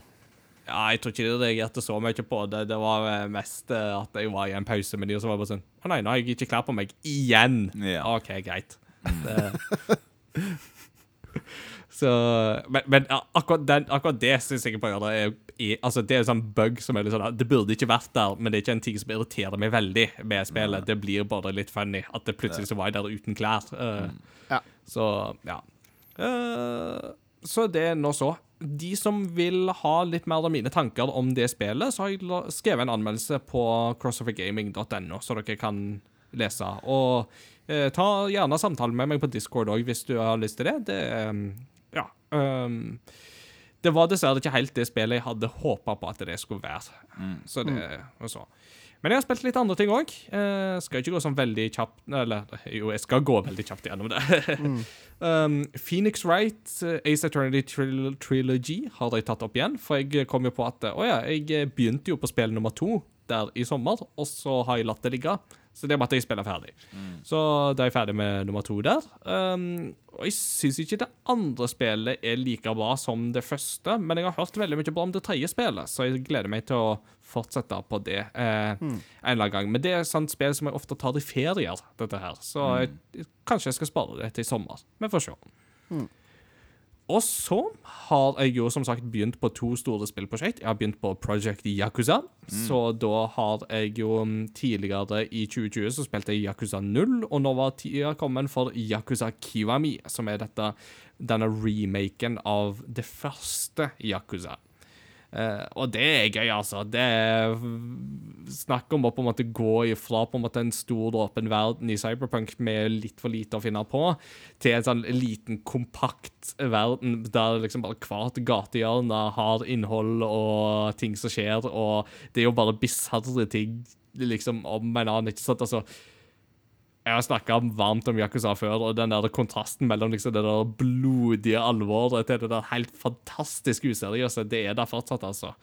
Eh, men uh, du merker at da de lagde Yakuza 0, så hadde de fått mer erfaring med serien og hadde liksom en god del mer innhold. Yakuza Kiwami den er på en måte veldig kokt ned, veldig kompakt. Uh, så den er liksom fra en tid der de ikke hadde videreutvikla serien helt ennå, så det er en del av disse questene og sånt er litt sånn enkle og litt sånn sporadiske og sånt, men uh, main storyen er gøy, og verden er kul, og du kan fortsatt gå på karaoke og synge den fantastiske sangen Bakamitai. Så det er det viktigste. Nei, Bakamitai er jo da en sånn fantastisk sånn japansk kjærlighetssviske som jo bare har gått igjen i, som, som en meme. eh, fordi at den er så kontrast til Kiryu, som er jo den hovedpersonen i, uh, i, i Yakuza-serien, som alltid er sånn Nani? Omei, nani? Og liksom blodig alvor. Og så går han på karaoke og synger sånn Dame dane, dame yo, dame nano yo. Så det anbefales varmt å sjekke ut Bakamitai-memes hvis du ikke allerede har gjort det. Det er Deilig. det Er det beste man har fått fra Yakuza. Er det det spillet som har mange sånne funny minigames, som at du må ikke sovne på kinoen og sånn? her? Ja, ikke dette spillet, da. Du har litt sånn, du kan gå på baseball og bowling og biljard og uh, arkade og uh, litt sånne ting, men ikke så veldig mange av de der eh, veldig store, kule minispillene. Så det, det kommer nok mer seinere, um, for å si det sånn. Mm. Og så er jo det andre store prosjektet mitt er jo da Assassin's Creed. Så der skal jeg ta igjen det tapte for å komme meg til Valhalla. Så da har jeg begynt på Assassin's Creed Unity. Dette spillet som foregår i Paris under den franske revolusjonen på slutten av 1700-tallet. Og så langt så må jeg si det er faktisk overraskende gøy. Jeg koser meg mer med det enn jeg hadde forventa. Det var jo et spill som var veldig preget av bugs da det kom ut. Um, Du merker fortsatt at det henger litt igjen, men det er mest at det er en del animasjoner og sånn som på en måte henger litt igjen i forhold til tid de egentlig skulle komme inn. Um, Ja. Men stort sett så er performancen god, altså. Og det er gøy å utforske Paris. Paris er òg et Assassin's Creed-verd, for å skrive litt om på det historiske uttrykket. Og det er jo her du kan se Notre-Dame i all sin prakt, noe du ikke kan i det virkelige liv lenger. Og det er veldig, veldig givende å bare gå rundt i Paris og kikke rundt og se, altså. Li kommer litt til kort på noen av hovedpersonene og litt sånt, men uh, alt i alt så er det ikke en dårlig historie, altså. Jeg koser meg så langt, inkludert med present day-delen uh, av historien, som jeg syns de klarer ganske greit i dette spillet. Mm. Kult. Vi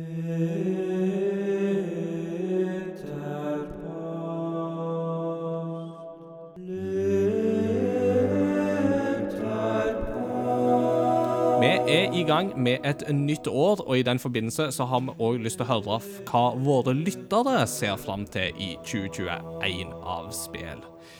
Det er jo igjen med forbehold om at spillene faktisk kom ut i år, eh, men her har folk både kunnet si ting som vi vet ganske sikkert kommer, eller ting som de bare drømmer om og håper skal komme i 2021. Uh, og da kan jeg begynne fra Adrian, som har skrevet til meg på Facebook at spillet han gleder seg til i år um, Det første kom ut i fjor på PC og Mac, men kommer til Switch i år og heter Werewolf The Apocalypse Heart of the Forest. Ja. Det har jeg faktisk ikke hørt om, men eh, kjenner dere til det? ja, det ser, eh, det ser veldig kult ut. OK?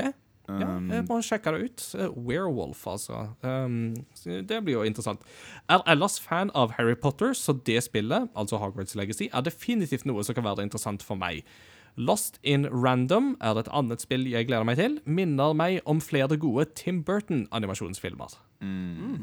Så det var tre spill der, altså. Så det er jo en fin liste. Kult. Kult. Jeg kan eh, fortsette med en eh, person som har gjort seg fortjent til en eh, liten minivignett etter trofast lang tjeneste i Crossover Gaming, som da heter Kjøs! En liten minivignett også. Så fortsett med å komme med innspill på Discord og Facebook, så kan du ende opp med din egen jingle etter hvert. Fra Um, hele Norges jinglemaker Martin Herfjord. Etter hvert så kan det jo til og med bli innspilt eh, og greier. Men det er gøy med litt eh, variasjon fra uke til uke òg, ikke sant. Han skriver Ratchet Clank Rift Apart. Jeg er veldig glad for at dette spillet ikke kom til PS5 release, for da hadde jeg muligens røket på en smell og brukt en månedslønn på en Scalper PS5 fra finn.no. Hmm. eh, litt enig der, Kjetil. Um, det var så gøy, for jeg besøkte Kjetil eh, Corona! Eh, i, nå i juletid, siden jeg var i Bergen. Ja, dere hadde bergenstreff for Crossover Gaming. Det var Ja. kult. Foreløpig null uh, smittetilfeller, så heldigvis. Men um, Mhm. vi passer på det. Og det var så gøy, for han gikk inn Han sa han går inn hver dag og ser på eh, komplett.no at eh, ja, min PS5 kommer eh, 31. mars, ja. Mm, ja, den kommer 31. mars. Sånn en daglig ritual eh, med sånn derre It's coming. It's coming. In, uh... He'll never see it coming. så um, Ellers så kan jo dere bare komme til meg og spille. Ja, det er korona og smitte-TV-vern, vet du, så da må du ha på maske og hazmat suit og hele pakka. Ja. Yeah. Mats Jakob? Yes. Eh, Espen Tveit skriver som følger. Vel, man håper jo på Breath of the Wild 2, så det blir i så fall årets spill. Og Super Mario 3D World Deluxe ønsker jeg å prøve, siden jeg av en eller annen grunn sto over originalreleasen på det spillet. Jeg skjønner ikke hva jeg tenkte på der, altså. Ellers har jeg fått sansen for Assassin's Creed Valhalla, så det blir nok å prøve ut DLC når det kommer. Oppfølger, re-release, DLC. Wow, her kjørte jeg safe. Nei, jeg syns det var fin kommentar. go- der, ja. God selvrefleksjon der. Nei, jeg syns det var fin, og det er jo litt derfor jeg prøver på, um, på min liste. Så prøvde jeg jo å ha med litt sånne ting som bare sånn oh, det er nytt, det er spennende. Sånn som Cyber Shadow, for eksempel. er jo et sånn helt nytt spill for en helt ny fyr. Uh, kan bli veldig kult. Mm. Eh, Nei, uh, vi har jo en annen eh, trofast lytter som uh, serverer oss uh, kommentar etter kommentar etter kommentar i nå 57 episoder. Det er tid for Åsmunds hjørne. Yeah. Godeste Åsmund, han skriver av de som har blitt annonsert skal komme i år, er nok God of War Ragnarok på topp. Har også forhåpninger om at vi kan få Hollow Night, Sing Song, Silk Song, Zelda Breath of the Wild 2 og Elden Ring i år. Nice. Gi meg Elden Ring. Spørsmålet er jo eh, om det blir eh, Xbox eksklusivt. Noe jeg tviler på. Det må i hvert fall komme ut til PC. da. Men, men du vet hvem du kan eh, ringe da og hyre som advokat for å vinne din sak? KFC? Jon Christian Elden. Ja Ring. Ring Elden. Ja. Åh, fantastisk. Fantastisk. Se elden um, lyse Nei, vent, la. Blander jeg nå um, Blander jeg um, Betesta med um, Altså det spillet From de skal gi- Software. Med FromSoft? Ja, altså for at um, Elden Ring altså, det er jo From Software, og de har jo ingen uh, Xbox-eksklusive avtaler, for de er jo ikke en del av ZeniMax. Så hva er det- hva er jeg tror at uh, du får det på PS5, altså. Hva er det Betesta-spillet heter, da? Skal hete? Uh, tenker du på Starfield, eller Ja, tenker du på sånn Elder Scrolls 6? Eller Ja, De har ikke fått et navn på det. Jeg, bland, jeg trodde at Elder Scroll 6 het Elden Ring. Nå blander jeg helt. Ja. Ikke bra. Ja, godt vi fikk avklart det, da. Yes. Mm. Men jeg kan fortsette med òg en som begynner å nærme seg legendestatus, Eirik. Eirik. Som skriver lett Hogwarts Legacy. RPG satt i Harry Potter-universet kan gå alt fra veldig dårlig til veldig bra, men jeg gleder meg til å se hvordan spillet faktisk blir. Det blir også gøy å se noe relativt nytt i hermetegn. Breath of the Wild 2 og Elder Scroll 6 er titler jeg gleder meg til, men Harry Potter RPG det har ikke blitt gjort på den måten før. Og jeg hadde jo um, den og Ratchet Clank for så vidt på min uh, liste. Det eneste kravet mitt er jo at jeg blir bedre enn JK Rowling som person. Så uh, Ja, og jeg tenker jo det at eh, noen er jo litt der at de er litt sånn «Øh, Jeg kan ikke spille det spillet fordi jeg liker ikke JK Rowling og sånt. Og det er sånn men, men igjen så tenker jeg at eh, her, det er veldig lov å like Harry Potter-universet. Uh, selv om du ikke liker det forfatterens synspunkt. Og jeg tenker at det er, et vikt, det er en viktig øvelse yes. å trene seg i å være borti ting skapt av folk som du ikke er enige med om ting. Eh, for, for, for det er jo klart at hvis jeg kun skulle være borti ting som er laga av folk som jeg er 100% enige med om alt, så hadde jeg jo ikke kunnet gjort noen ting. Ja, ja, ja. Og nå er det jo desto mer eh, viktig, fordi hun har på en måte gitt fra seg eh, det universet til noen som lager et spill nå som blir noe helt annet enn uh, hennes ord, på en måte. Ja, ja. Og øh, altså, settingen er skapt, og den øh, kom Jeg tror at det har potensial til i seg til å bli veldig, veldig bra, dette her, altså. Så Man må skille kunsten fra kunstneren.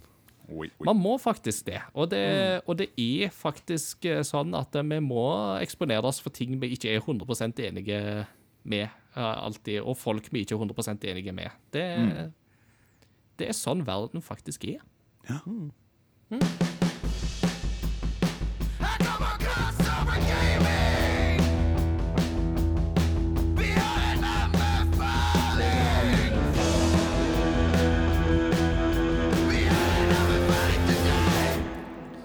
En anbefaling til deg og til meg og til alle våre lyttere. Har du det, Martin? Har du Nei. vært borti noe i jula som eh, Eller fra i høst tidligere som eh, du vil anbefale til meg? Yes. Um, det jeg kan anbefale eh, I covid times så må, blir det mye innetid. Um, og da er det jo mye skjermtid. Mhm. Så da kan jeg anbefale en genial fyr som eh, leverer med alle show han er involvert i. Og eh, det er legenden Michael Schur. Eh, som begynte eh, å skrive med The American Office. Aha. Så det må dere sjekke ut. Eh, og så begynte han på Parks and Recreation. Ja Sjekk det ut. Eh, han har òg eh, skrevet mye av Brooklyn 99. Nei, ut. nei! Og The Good Place er kanskje min eh, nyeste favoritt. Som er mm, altså ekstremt lærerikt på etikk og filosofi, tro det eller ei. Men snakk om å gjøre etikklære tilgjengelig, spesielt eh, Kanskje det trengs mer i USA, holdt jeg på å si, men det er noe med å liksom bare eh, lære seg opp på eh, måter å tenke på, liksom. Og det syns jeg den The Good Place gjør. Eh, alle disse er tilgjengelige på sånn Netflix og, og disse her store. Så har han òg Rutherford Falls og um, Behind the Story with the Palais Center. Så sjekk ut Michael Schur sine show. Alt er bra, faktisk. Er han manusforfatter her, eller er han eh, produsent, eller er han regissør, eller hva er liksom hans rolle her? Først og fremst writer, så ja, eh, manusforfatter. ja. Wow, jeg visste ikke at det var at han var involvert i alle de. Altså, The Good Place har det jo veldig høyt på min to watch-list, men alle de tre andre er jo check, check, check, liksom. Det er jo krem de la krem. Mm. Fantastisk, da har jeg lært noe. Det var en artig liten For dette er en hebreke pachinko-kontroller til Super Nintendo. It's curiosity. What are you gonna show to me? It's curiosity. What a neat thing to know. It's curiosity. What are you gonna show to me? I haven't even heard of it. What a neat thing to know. It's a great part of the show. kuriositet. Yes. Bading. Bading Så eh, da må vi komme med en liten kuriositet. Og i dagens um, kapittel så tenkte jeg på uh, i Cyberpunk 2077 så har du noen cameos, altså du har noen gjesteopptredener fra kjendiser. Og så tenkte jeg, skal jeg snakke om det? Og så var jeg sånn, nei, det spillet er ennå litt nytt. Det er mange som ikke har spilt det. Jeg tror jeg skal vente med å snakke om det, for ikke å spoile ting. Folk kan finne ut sjøl, eventuelt så kan du google det og så eh, lese på det sjøl. Men så kom jeg på at jeg kan jo snakke om andre spill som har hatt eh, kjendiser involvert i seg. Og så begynte jeg å tenke litt på og bare søke litt rundt og lete litt. Og da snubla jeg over The Legend of Spyro-trilogien, som er denne rebooten med Spyro-spill som kom mellom 2006 og 2008. Som da var det som kom før de begynte med Skylanders, og så da til slutt kom med denne her Spyro Reignited Trilogy for to år siden. Og det jeg ikke visste, var den som er stemmeskuespilleren til Spyro i denne Legend of Spyro-trilogien. Vet dere hvem som har stemmen? Nei. Jeg har hørt det før. Mm. Hvis jeg sier at det er en, eh, en liten uh, kar uh, med masse krøller og store blå øyne som blir spidda av en edderkopp, og som uh, liker å bære på ringer, Ah, Mr. Frodo eller Sam. si. så er det Mr. Baggins uh, himself, Elijah Wood, som har Ja. stemmen til Spyro i uh, Legend-trilogien. Stemmer det. Og en eh, fun fact når vi først snakker om Elijah Wood, er at jeg faktisk um, så han nylig i en eh, gammel, klassisk film. Det vil si, det var egentlig kona som oppdaget at det var han. Eh, og det er at Elijah Wood har en liten birolle i Back to the Future Part 2. For i den filmen så er ganske tidlig så er det Marty McFly innom en sånn eh, retro 80s-kafé. eh, som ikke er så veldig retro. Den er jo typisk, sånn, typisk 2015, så den er veldig sånn futuristisk retro. Uh, men så står det to kids der og spiller arkadespillet Wild Gunman. Og en av de kidsa, det er Elijah Wood. Åh, Sant det? fantastisk. Kult. Så der har dere en kobling der, altså mellom Ringenes herre, Back to the Future og The Legend of Spyro. Da er vi kommet til veis ende i dagens episode, årets første. Og det betyr jo at vi selvsagt skal ha postludium. Det er jo det liturgiske leddet som ikke er så lett å skifte på, for det, ligger liksom i sakens natur at det kommer At den kommer ved veis ende. Eh, og Mads Jakob, da er det du som har eh, tatt på deg jobben med å finne postludiet i dag. Og hva er det? Jeg har rett og slett plukka ut uh, tittelmusikken til Diddy Kong Racing på Nintendo 64. Vi uh, sang jo på det i stad. Jeg tenker at uh, den musikken er verdig en ekte lytt, og ikke bare en uh, nynnete gjengivelse fra tre menn i 30-årene. Eh, Som sitter på hver sin location og får sånn totalt asynkronisert eh, synging. Ja. Det, for det er altså Det er et nydelig stykke musikk som eh, På en måte bare i tittelmusikken, som varer i ca. ett minutt, så dulter han jo innom masse forskjellige eh, åpenbare inspirasjoner. Eh, for liksom Det er samme tema, men blir spilt på liksom eh, Hva skal jeg si Forskjellige liksom folke... Forskjellige instrumenter med litt sånn forskjellig Skal jeg kalle det vibe. Eh, Ingar? Ja, og, og g- greia der er at det er jo alle kobla til de forskjellige drivers som du har i det spillet.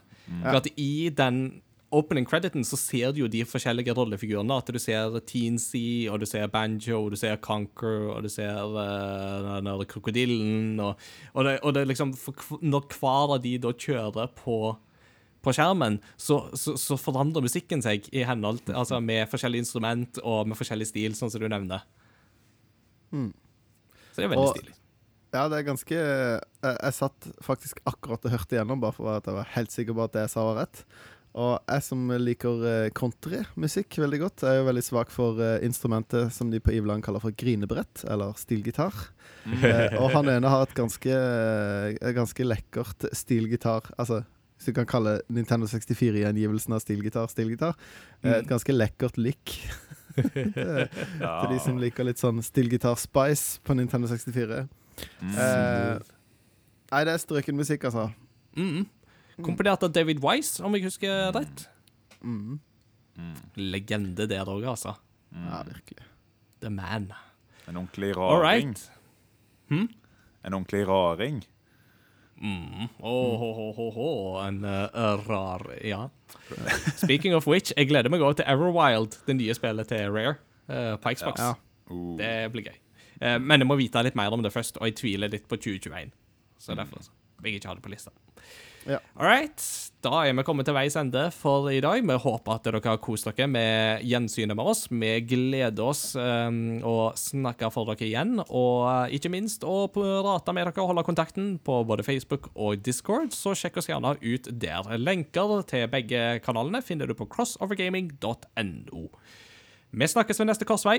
Ha det bra! Sjalabais. Damme, damme, damme, damme.